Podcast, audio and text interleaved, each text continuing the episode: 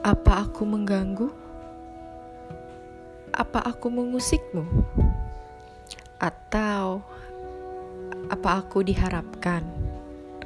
Pertanyaan-pertanyaan seperti itu muncul saat aku mencoba memulai berbicara denganmu melalui sebuah pesan singkat menggunakan aplikasi berkirim pesan yang sedang naik pesat. Aku takut kehadiran pesanku mengganggu dan kau membalas karena merasa tidak enak denganku. Atau lebih parah, mengasihaniku.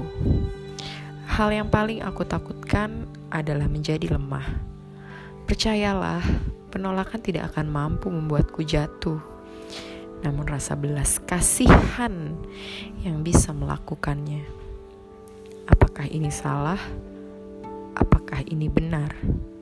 Apakah begini seharusnya, atau begitu sebenarnya?